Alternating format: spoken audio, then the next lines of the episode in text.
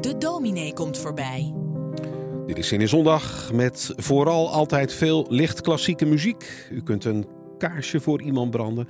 Omdat er zoveel moois te zien is in onze Gelderse provincie, gaan we altijd die natuur in met een natuurdeskundige of bijvoorbeeld een boswachter. En nu altijd een uh, moment van bezinnen uh, met een dominee of een pastor of een geestelijk verzorger. Vanmorgen is dat Wouter van der Toorn. Goedemorgen Wouter. Goedemorgen. De eerste week van het jaar zit er zo ongeveer op. Hè? Ja, helemaal zelfs, besef ik. Um, ja, we staan aan het begin van een nieuw jaar. Hoe ga jij dit, dit, dit nieuwe jaar in? Nou, eigenlijk wel, ja, we gaan wel zien wat er van komt. Maar ik heb er eigenlijk wel zin in, moet Ja. je zeggen. Ja. Ja, ik, ik heb in ieder geval een goed voornemen. En dat is, dat is dat ik veel meer boeken ga lezen nog als dat ik afgelopen jaar heb gedaan. Mhm. Uh, en boeken lezen, dat kan je dus ook heel goed uh, met uh, graphic novels en stripboeken. Ja, dat is, een beetje, dat is echt een beetje mijn ding. Ik word er heel gelukkig van. Dus ik heb, dan, dan, dan duik ik bij mij in de kamer in zo'n leeshoekje. Dan heb ik een soort, echt een heel, een, zo'n relaxdoel. En dan kruip ik helemaal, helemaal in het verhaal weg. In je kokon. Ja, echt Ja. fantastisch. Ja. Um, uh, nou ja, even, even, ja, ik, zie, ik zie van alles, maar in de zin van in jouw kokon. En eigenlijk wil je ook heel veel delen naar buiten toe. Um, ja. ja. dus je, je, eigen wereldje waarin je je prettig voelt. Uh, met nou, lezen, muziek maken misschien. Ja. Uh, maar ook naar buiten toe. Um, ja, niet iedereen wordt even vrolijk van, dit, van, dit, van deze hele periode. Hè? Van lockdowns en uh, wel en niet boosteren, wel en niet vaccineren. Mensen tegenover elkaar. Heb, je, heb jij iets, uh, nou toch, iets vrolijks, iets positiefs, iets moois uh, te zeggen als zingever? Aan, aan, aan degene die, die even niet zo vrolijk hebben op dit moment?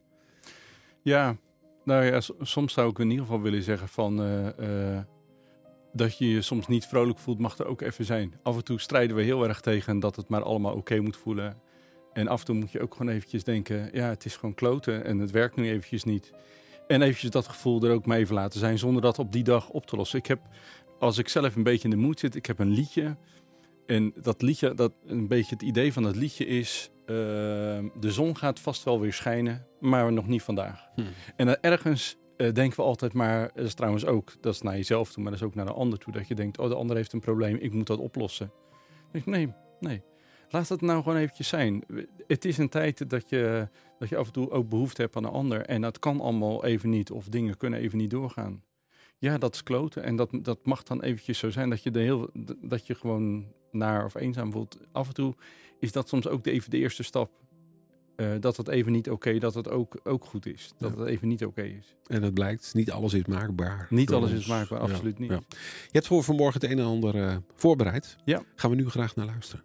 Ja, want ik wil het uh, ook wel over een, een hieraan gerelateerd onderwerp hebben, namelijk over rouw en verdriet. En dan heel specifiek over ons lijf. Want ons lijf dat, uh, heeft veel te vertellen over hoe we ons voelen. En er zijn allerlei uitdrukkingen die we kennen, die uh, zijn ingeburgerd. Nou, dan denk je bijvoorbeeld aan, er ligt een steen op je maag. Of uh, je voelt vlinders in je buik. Of je hart doet er zeer van. Of je doet iets met hart en ziel. Of je hebt het gevoel dat je bloed gaat koken. Allemaal uitdrukkingen die iets vertellen, hoe je je voelt, wat wat er met je gebeurt. En je beschrijft daar iets met je lijf bij. Dus je kan ook zeg maar van die, van die ongedurige benen voelen. Nou, de Bijbel die kent ook een aantal van dat soort uitdrukkingen. Dat, ik denk dat we dat al door, de hele, door al die eeuwen hebben gedaan. Nou, de, de spreuken die vertelt bijvoorbeeld... een gezond hart is het leven voor het lichaam... maar afgunst is de verrotting van de beenderen. Dat is interessant. Dus dat jaloezie uh, en afgunst... dat dat dus in je lijf gaat zitten en dat dat ongezond is.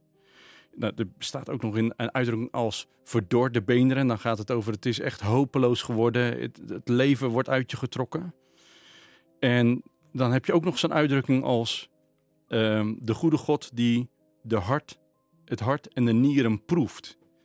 Dus het heeft allemaal te maken met uitdrukkingen over ons lijf, over hoe het met ons gaat. Om duidelijk te maken hoe we ons voelen. Nou, een paar weken terug kwam het boek uit dat ik samen met mijn compagnon Sandra Jongenelen schreef. En dat boek heet Van missen krijg je het koud. De ondertitel Wat rouw nog meer met je lijf doet. Nou, ik hoef dan eigenlijk al niet meer te vertellen waar het boek over gaat.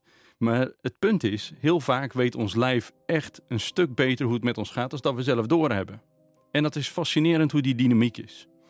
Als je een verlies hebt doorgemaakt, dan volgt rouw. En rouwen, dat doet iedereen op zijn eigen manier. Maar het lijkt erop alsof we elkaar soms hebben verteld dat rouw na een paar weken maar weer voorbij moet zijn. Dat het leven weer gewoon wordt en dat het leven doorgaat en dat verlies gewoon maar zijn plekje moet hebben eh, gekregen. En anders dan moet je dat lekker zelf uitzoeken.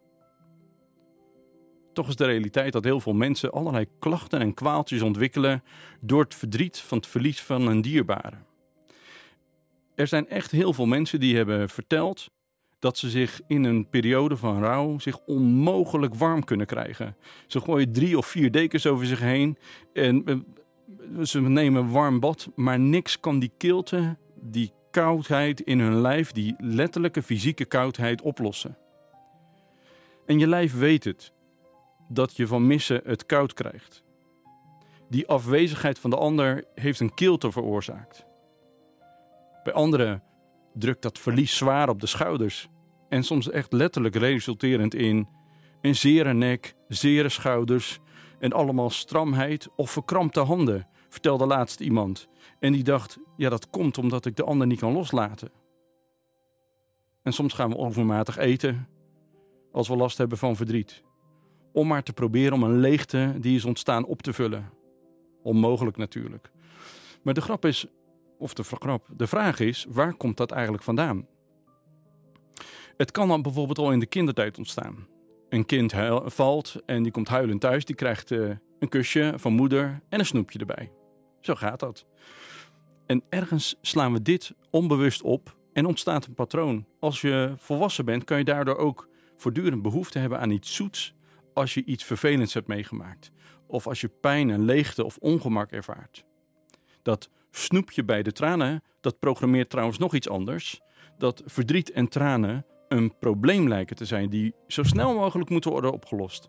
Er zijn tranen, oplossen. Hier heb je een snoepje. Slik je tranen maar weg, slik je verdriet maar weg en we gaan weer verder. Je moet uh, flink zijn. En zo krijgt iedereen tijdens zijn opvoeding bewuste en onbewuste manieren om uh, om te gaan met rouw, verlies en verdriet.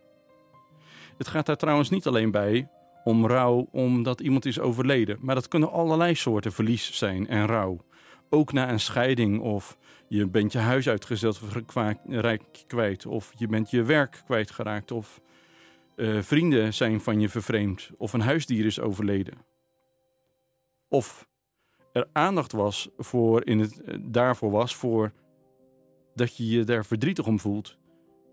Of dat mocht, of dat het juist vroeger verzwegen werd. Dat heeft grote invloed op hoe je jezelf ontwikkelt en hoe je vandaag de dag met rouw en verdriet omgaat. De vraag is, mocht het er zijn of eigenlijk niet?